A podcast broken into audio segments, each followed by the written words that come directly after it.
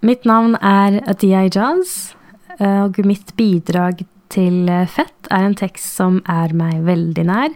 Den er opprinnelig et spoken word-dikt som er oversatt og redigert for denne utgaven. Jeg scroller på mobilen min og leser om de fem kjærlighetsspråkene. Anerkjennende ord, kvalitetstid, gaver, tjenester og fysisk nærhet. Jeg tar en quiz og finner ut at mitt første kjærlighetsspråk er tjenester. Kjæresten min finner ut at hans er fysisk nærhet. Jeg smiler, legger ned mobilen og lager en kopp chai til min mor. Jeg tenker at mors kjærlighetsspråk er fysisk nærhet, ut ifra måten hun holder rundt meg med hvert hei og ha det, hvordan hun kysser kinn, nese og panne mer enn én gang. Eller kanskje er hennes kjærlighetsspråk kvalitetstid? Jeg vet at hun setter pris på de stille øyeblikkene i vårt selskap. Et smil, et blikk, en morsom kommentar, fra tid til annen en her er chaien din, Ami. Vil du ha en søt eller saltet kjeks til den? Jeg ringer mor og spør om jeg kan komme bort etter jobb. Hva lager du i dag, Ami? Med samosi lekeyama? Jeg sørger for å nevne det hvis jeg ikke skal sove over. Jeg vet hun foretrekker det. Å ha minstebarnet sitt nært, kysse meg god natt og vekke meg igjen altfor tidlig.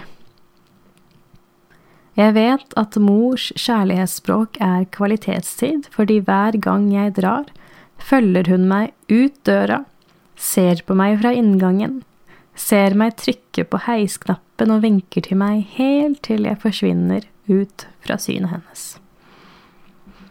Og en skulle tro at det var det hele, men etter en time eller mer ringer mor for å høre om jeg har kommet trygt hjem.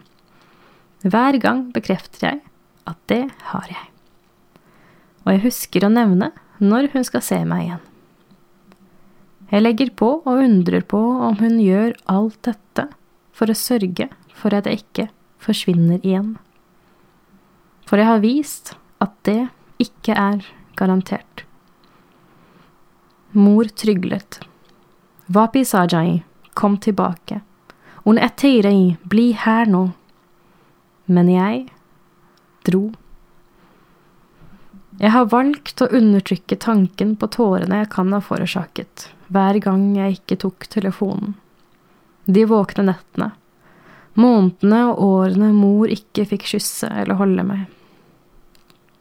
Og nå, når jeg sitter ved hennes side, sørger jeg for å sitte nært. Jeg stryker armen til mor i et forsøk på å viske vekk alt det vonde, og fortelle at det ikke var hennes feil, Ami, du har aldri gjort meg noe vondt, men du vet at jeg måtte dra? Folk sier jeg har mors smil, hennes nese og øyne, men jeg har mistet hennes språk.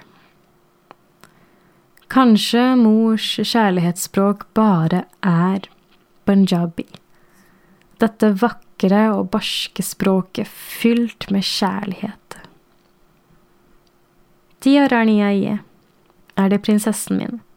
Spør mor hver gang jeg besøker eller ringer. Ja, Mi, det er prinsessen din.